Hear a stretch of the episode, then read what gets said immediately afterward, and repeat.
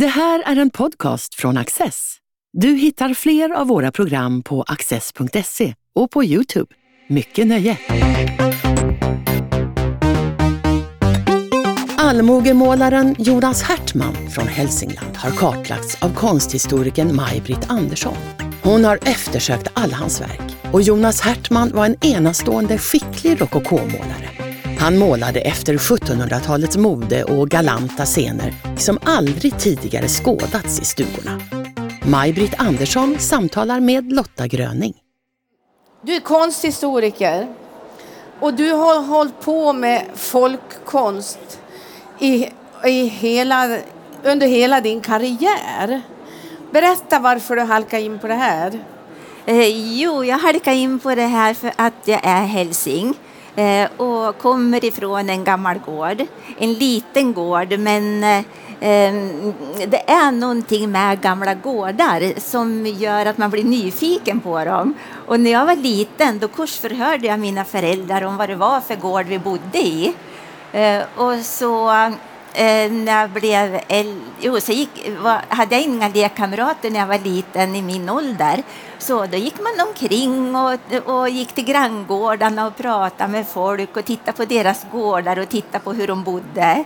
Så det där att vara intresserad av hus och gårdar och hur folk bor, det började jag med tidigt. Och sen så följde jag med pappa då han var ute och körde Eh, han var lastbilschaufför och eh, han körde över hela Hälsingland och då följde jag med han då och särskilt då till socknar där det var fina gårdar. Jag hade sett att det var granna gårdar som Delsbo, Järvsö, Ljusnas dalgång och Voxnadalen. Med de här vad jag kallar dem för värstinggårdarna, de här gårdarna som kan ha 54 fönster. Och jag bara satt och högnjöt av landskapet, högnjöt av gårdarna. Så det hände att jag skolkade från skolan för att kunna följa med pappa och titta på gårdar i Järvsö. Eh, och sen när jag fick körkort själv då började jag åka omkring och bunka på hos folk. Åh, ni har så fin gård, kan jag få titta på er gammelbyggning? Och, eh, så har jag bara fortsatt. Och, för att de är så fin och jag har så många frågor till dem. Och ju mer man får veta, desto, ny, eller desto mer vetgirig blir jag. Och så har jag samlat eh, så mycket material om dem då så att eh, nu så sammanställer jag det här jag har kommit fram till då med böcker. Den här om Jonas Hertman och så skriver jag nu på en om en målare i norra Hälsingland som heter Gustav Reuter. Ja, och du har, du har varit och tittat på alla hans målningar som finns kvar. Eller, ja, du vet att det är alla? Ja, ja det är det. Alltså jag har letat och letat. Och, och det, det, är någon enstaka kista som jag inte har sett live. Men jag har sett andra kistor så att den bilden jag har på den kistan som eh, Hertman har dekorerat den kan jag placera in då i de jag har sett. Och det får man, man får försöka stå ut med det här att det är någonting som man inte kommer åt. Det, det är bara så. Eh, det var så med avhandlingen när jag var helt övertygad om att jag hade sett precis allt av allmogemålaren eh, Anders Ädel i Ljusdal. Och en viktig, viktig inredning eh, som skulle finnas i Forsa socken, den hittade jag inte. Eh, och då var det någon Forsabo som sa att den gården hade brunnit. Och då nöjde jag mig med det. Men så fort avhandlingen var eh, publicerad då fick en påringning då från de som äger den inredningen. Så, så man måste alltid vara då beredd på det. att det är någonting ja. som... Och det är det som är lyckan med det hela, att det finns ja. alltid någonting nytt att eh, upptäcka och det kommer till det någonting som man inte väntar sig. Berätta om Jonas Hertzman. Eh, ja, han är så spännande för att han har, han har hela tiden funnits där. Vilken målare som jag än har arbetat med och vad jag än har haft för projekt så har han funnits där och eh, liksom retat mig. Han har dykt upp med någon kista. Jag har sett någon målning jag inte har sett förr. Och om jag har varit i Voxnadalen för, i ett ärende så har jag alltid tittat in då i Ovanåkers hembygdsgård som heter Mortes Eh, och titta på Hertmans målningar där. Eh, och så eh, fick jag då under pandemin möjlighet att gå in i det här stora materialet jag samlade Ja. om honom. Men vem var han som människa och målare? Och vad, berätta om han som person. Ja, han är född 1755. Han är född då under senrokokon kan man säga. Och han kommer ifrån en utanvedsgård. Och det är en fattig liten gård som ligger i utkanten av storbondebygden. Eh, och det är ett fattigt hem han kommer ifrån. Och han lämnar lämnar efter sig ett fattigt skuldtyngt hemman. Och han dör när han bara är i 40-årsåldern. Men då har han varit gift i 20 år med, eh, med en kvinna som också målade med han. Eh, Katarina Jonsdotter. De Eh, hade elva barn, eller hur? Ja, ja, och många dog ju naturligtvis. Det är, eh, när, vi, när vi är i denna tiden på landsbygden i södra Norrland så vi har att göra med en fattigdom, mycket fattiga människor som bor i små gårdar också. Eh, bilden av Hälsingland, det är storgårdarna med granna förstukvistar. Ja, men, eh, men de allra flesta, det är, alltså, det är ju landsbygdsproletariat. De Ja. allra flesta är fattiga och bor i smågårdar. Och så också då Jonas Hertman bor på en fattig gård och den här stora familjen. Men jag förstår att eh, det finns någon slags bildningstörst hos dem. För, för eh, eh, de skickar barnen till skolan. Hertman, familjen Hertman. Barnen ska gå i skolan. Och sen när man ser på bildförlagen som han arbetar med. Han hade exklusiva bilder som han har fått tag i i Söderhamn, närmsta stad. Och han är så intresserad av inredningsidealen i Söderhamn och i Stockholm. Så, och, och jag ser framför mig hur den här familjen eh, sitter i köket i den där fattiga gården och kanske eh, tittar i Gustav IIIs bibel så vackert skriven eh, typografin är där och eller ja, hur vackert skriven den är den där boken då som de väl det är väl så de resonerar. Och så de här bilderna och hur de resonerar kring inredningskomposition och så. Det är ganska fantastiskt av, av, av en person på den tiden. Alltså, hur skulle du beskriva han som målare? Eh, han är, eh, han är eh, kreativ och han naturligtvis, men så han är oförvägen. Han är oförvägen och djärv. Eh, för det finns ett eh, inredningsmåleri redan ju från 1500-talet i Hälsingland. Eh, redan då dekorerar man ju hus och gårdar. Och det är så intressant också i det här landskapet för de dekorerar alla rum. Farstu, farstukammare, precis alla rum i en gård.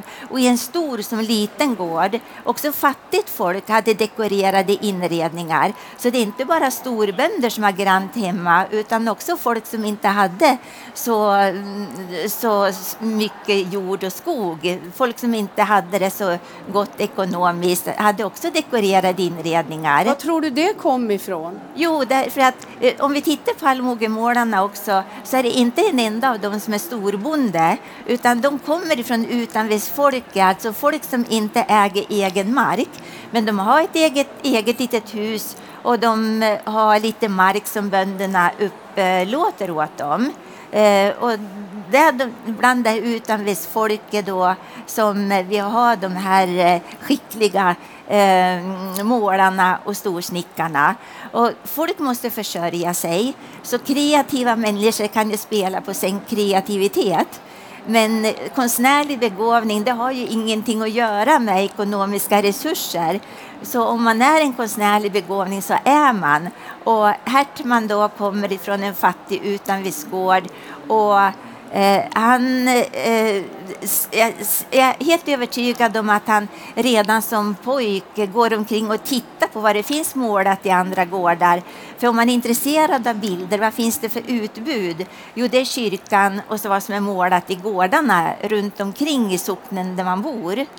Och så lär han sig då att eh, det är målat i gårdarna och så går han också till en gård i Växbo, Växbo nummer 10 som nu heter Wallins. Och där målar då Hudiksvalls stadsmålare Paul Hallberg en salong verkligen i den här storbondgården.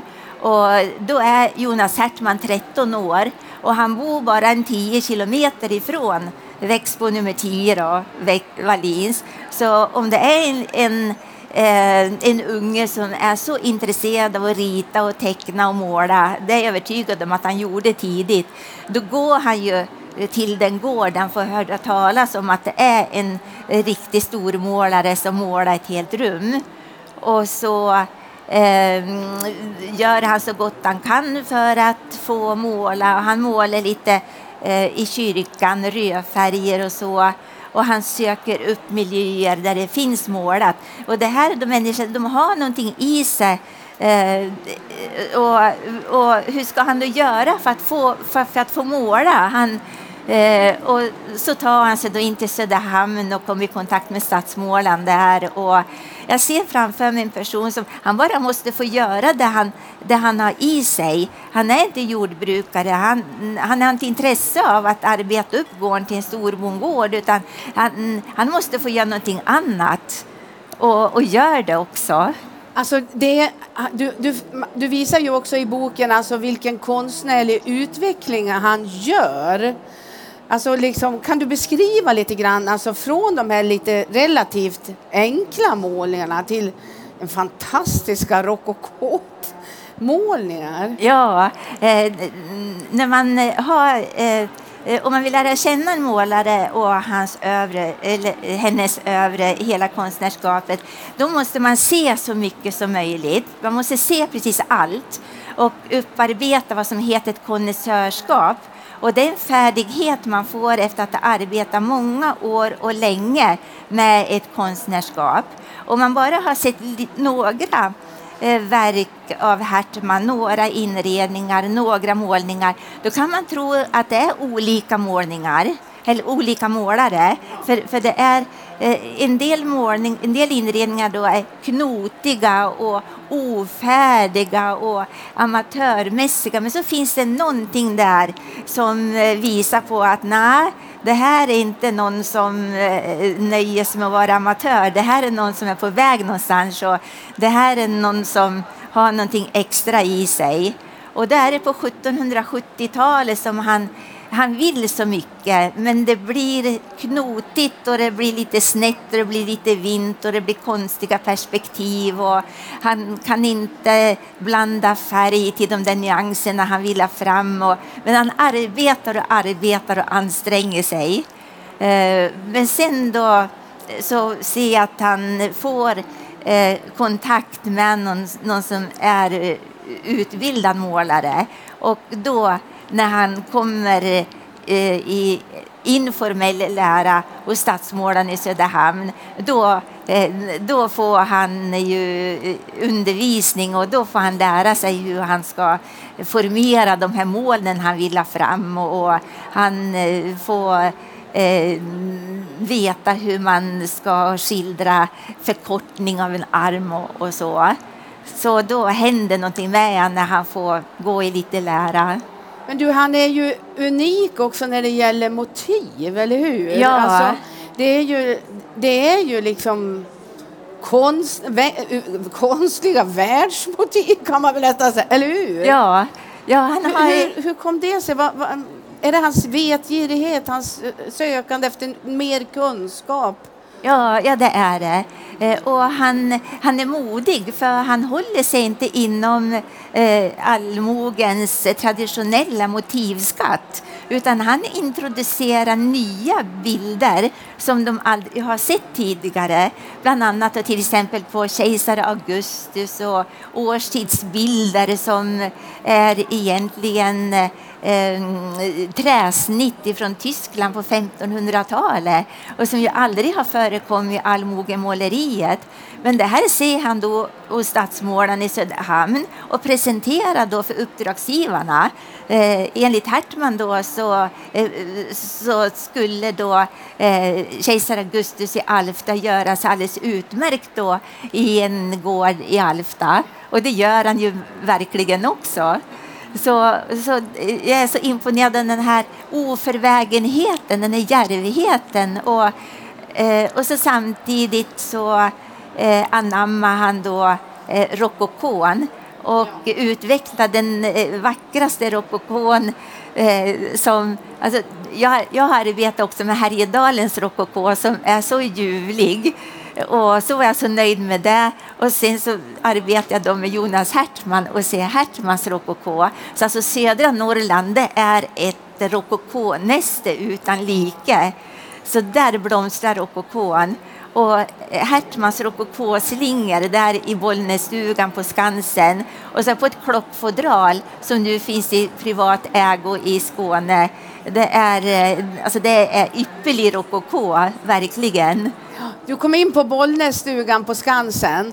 Jag tänkte så här när jag läste din bok att det är på något sätt hans museum. Ja. Alltså för där, det är ju helt otroligt och helt makalöst att det finns en stuga där med, som han har dekorerat helt och hållet. Ja. Kan du, vad, vad, vad är, berätta lite om motiven där och hur han tänkte med Bollnässtugan. Ja, eh, med rokokon och Hertman så har vi ett alldeles eh, speciellt eh, fenomen också. Och det rokokon brukar ju Eh, man talar om rokoko som eh, den är lättsam, den är glad, den är förförisk och den är eh, antiintellektuell. Den har inget budskap just rokokon. Men eh, Jonas Hertman anammar rokokon eh, och hans uppdragsgivare anammar rokokon för att fylla den med väckelserörelsen. Så rokokåstilen blir ett sätt att lansera väckelserörelsen i södra Hälsingland. Eh, och det är då herrnhutismen eh, som eh, får fäste i södra Hälsingland. Och södra Hälsingland än idag är ju mycket frireligiöst. Så vi, med Hertmans rokoko och allmogemåleriet Eh, i, i södra Hälsingland så får vi också inblick i människornas fromhetsliv. Och eh, han har då dekorerat eh, eh herrstugan, det högtidligaste rummet i herrstugan då från Knubbens, som nu är Bollnässtugan på Skansen. Eh, det är då en inramning till eh, herrnhutistiska väckelsemöten. Så eh, vi har att göra med, en, med de frireligiösa väckelserna i det här eh, interiörmåleriet som är så elegant, som är så tjusigt och som eh, ju också är dekorativt för människorna. Men de som kom in i Knubbens härstuga, de var djupt religiösa och de läste ju in någonting helt annat än blott eh, den här skönheten som vi ser idag. Eh, de, de läste in skönheten, de njöt av skönheten. Men det är en religiös skönhet som eh, de laddar de här rummen med något som har gått oss förbi idag. Men du, jag tänker på det för att det, mycket av man säger ju också att mycket av de här väggmålningarna också var en borgerlig företeelse. Men de hamnade i Hälsingland och de utvecklades från något väldigt enkelt till att bli helt unikt. Alltså vad, vad, vad, hur, hur, gick det? Alltså jag tänker hur... Var det Hertzman eller vad var det som gjorde, vad drevs det, hur kom det sig liksom? Ja. Vad är hälsingemålarnas unik, vad är de? Förstår du vad jag är ute efter? Ja, ja. Jo, det, vi, vi har ju att göra med så många målare ja. eh, och så många olika stilar. Och då och, och, går man in och studerar de enskilda individerna, målarna, deras bakgrund och Eh, man ser deras konstnärliga begåvningar och ser hur enstaka individer då med sin konstnärliga begåvning har lanserat nya, eh, nya traditioner kan man säga. Så, eh, och, och är det så att en målare eller en storsnickare kan inte komma in i en gård och fritt Eh, eh skapa någonting som inte är acceptabelt i gården och i socknen. Det måste passa in i socknens estetik, i socknens estetiska koncept för vad som passar i socknen och vad som passar sig på gården. Och det måste som passa in i deras estetik, vad de tyckte var vackert. Så målaren kan ha sett en detalj, målaren kan ha sett ett motiv då inne i Söderhamn. Säkert gick det till så att Hertman såg ett motiv som Sven Hult målade i Söderhamn och så ville han då eh, måla det i en gård och så sa människorna där nej. Eh, så eh, vi har ett mm, val av motiv som har att göra med vad som passar sig, hur man vill ha det i den socknen. Och varje socken hade sin speciella stil som då smarta målare snappade upp. De, de, de snappade upp vad folk var ute efter.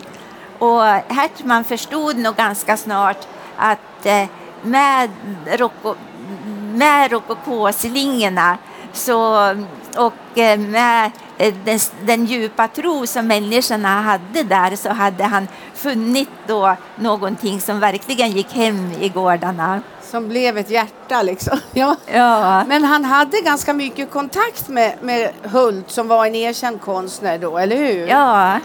Mm, det, det finns en muntlig tradition ju sen då slutet av 1700-talet att eh, Jonas Hertman sökte sig till stadsmålaren Sven Hult och eh, jag har funderat mycket på det där, för eh, en muntlig tradition måste man vara mycket försiktig med.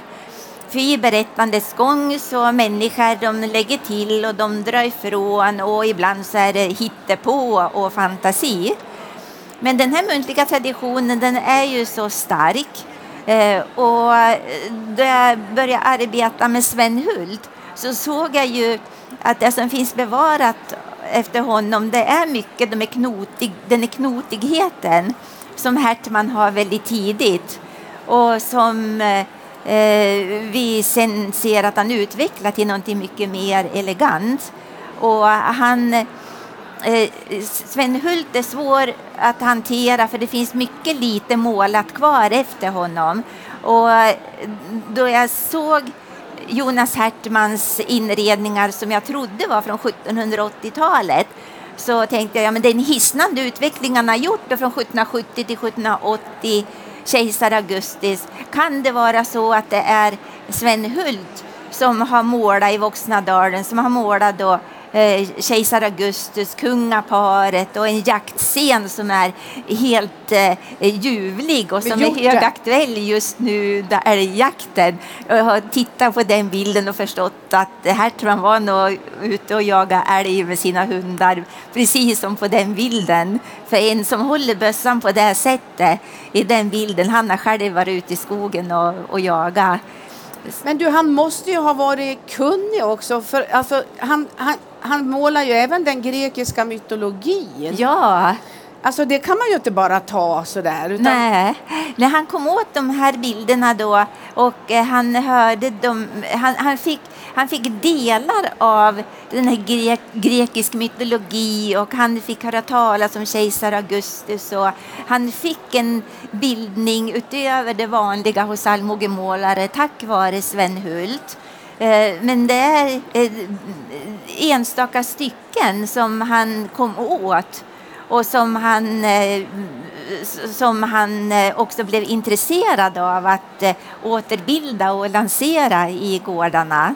Och, och det, det är en person som han är så vetgirig och han han skulle nog mycket gärna vilja ha åkt till Stockholm och och sökt in på Konstakademin som en bondpojke från Roksta socken utanför Hudiksvall gjorde, Jonas Åkerström som sen blev nyklassicistisk målare i Rom. Och Jonas Hertman hade också kunnat åka till Rom och bli nyklassicistisk målare. Men han hade gården och så hade han ju hela Voxnadalen som han ville dekorera. Men du, han hade sin hustru med sig också som målade. Ja. Lisa Jansdotter. Eller? Ja, just det. Lisa Jansdotter, ja. ja. Berätta lite om det. Ja, eh, det är så intressant. Jag, jag försöker att få eh, lära känna hela familjen och hela släkten. Och Lisa Jansdotter hon har låtit tala om sig in i denna dag. För fortfarande i gårdarna i Voxnadalen där Hertman har varit så berättas det om att han hade frun med sig. Och de vet vad hon hette. Folk säger överallt att det är Lisa Jansdotter. Jonsdotter eller Jansdotter. Men namnet hennes har följt med från 1700-talet och in i våra dagar.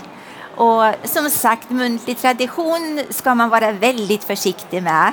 Men då den är så här stark och då namnet kan verifieras i husförhörslängderna och då hon träder fram ifrån kyrkböckerna som en redig människa som eh, lever på den här lilla gården och tar hand om den här stora familjen och följer med Jonas Hertman och målar. Eh, och så lever hon kvar 20 år efter hans död som Jonas Hertmans änka Lisa Jansdotter. Och du har, du har att de ligger på ställningar med kuddar och ja. målar tak. Ja, och det där berättar de i Mortes, Ovanåkers hembygdsgård. Eh, första gången när jag kom dit när jag var liten så det gjorde jag med den där bilden då om hur de låg där på byggnadsställningar och, och ja, de låg med kuddar under huvudet. Så fick jag den där bilden. Så det berättade då Hembygdsföreningens guider för 60 år sedan och det berättar de än i denna dag. Du, de, du har ju lite uppgifter vad de fick betalt. Var det, var det bra eller dåligt för det arbete de la ner? Ja, ja alltså det är, det är stordåd de har gjort. Alltså det är, så det är ju, eh, och så för, för de som de hade så små ekonomiska resurser och de fick ju betalt i natura. Och det är ju ett samhälle som är så olik vårt som vi lever i. Man tror ju att de fick pengar och att de åkte hem och byggde om sin egna gård. Och, eh, det finns ju en idé om att hälsingarna byggde stort för att de var, eh, fick så mycket pengar på lin och skogen. Men när de tjänade pengar så investerade de i silver. För silver kunde man pantsätta. Och timmer, när man skulle bygga hus, det fanns ju i skogen. Så mm, då målarna och storsnickarna gick runt i gårdarna, då såg de till att byta till sig eh, timmer kanske om de inte hade tillräckligt med timmer hemma eller kanske eh, strömming. Och det finns till exempel en inskription på en dörr i Forsa efter en Forsasnickare på 1800-talet att den här dörren har Jonas Lust gjort och för den så fick han tre tunnor strömming och fick lite tegel. Du, jag skulle bara säga så här att han, eh, han, eh, när han dog så fick han ju i dödsboken titeln målare och det måste väl ändå ha varit ett stort erkännande på den tiden? Ja, det var det. Och det var vad han, eh, var, han, han skulle ha blivit nöjd om han visste att prästen skrev målare. Ja. För eh, det ligger väldigt nära konstmålare. Så det är ett erkännande att han var målare verkligen. Eh, annars var ju det finaste man kunde vara, det var ju bonde. Men här ser vi alltså att hans målargärning har stått över hans jordbrukande gärning. Tusen tack! Tack!